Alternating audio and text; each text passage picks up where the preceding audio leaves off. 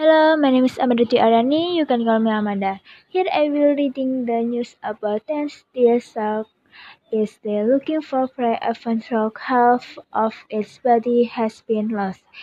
It was reported that a shark was still looking for prey though half of its body had been thrown about by the enemy.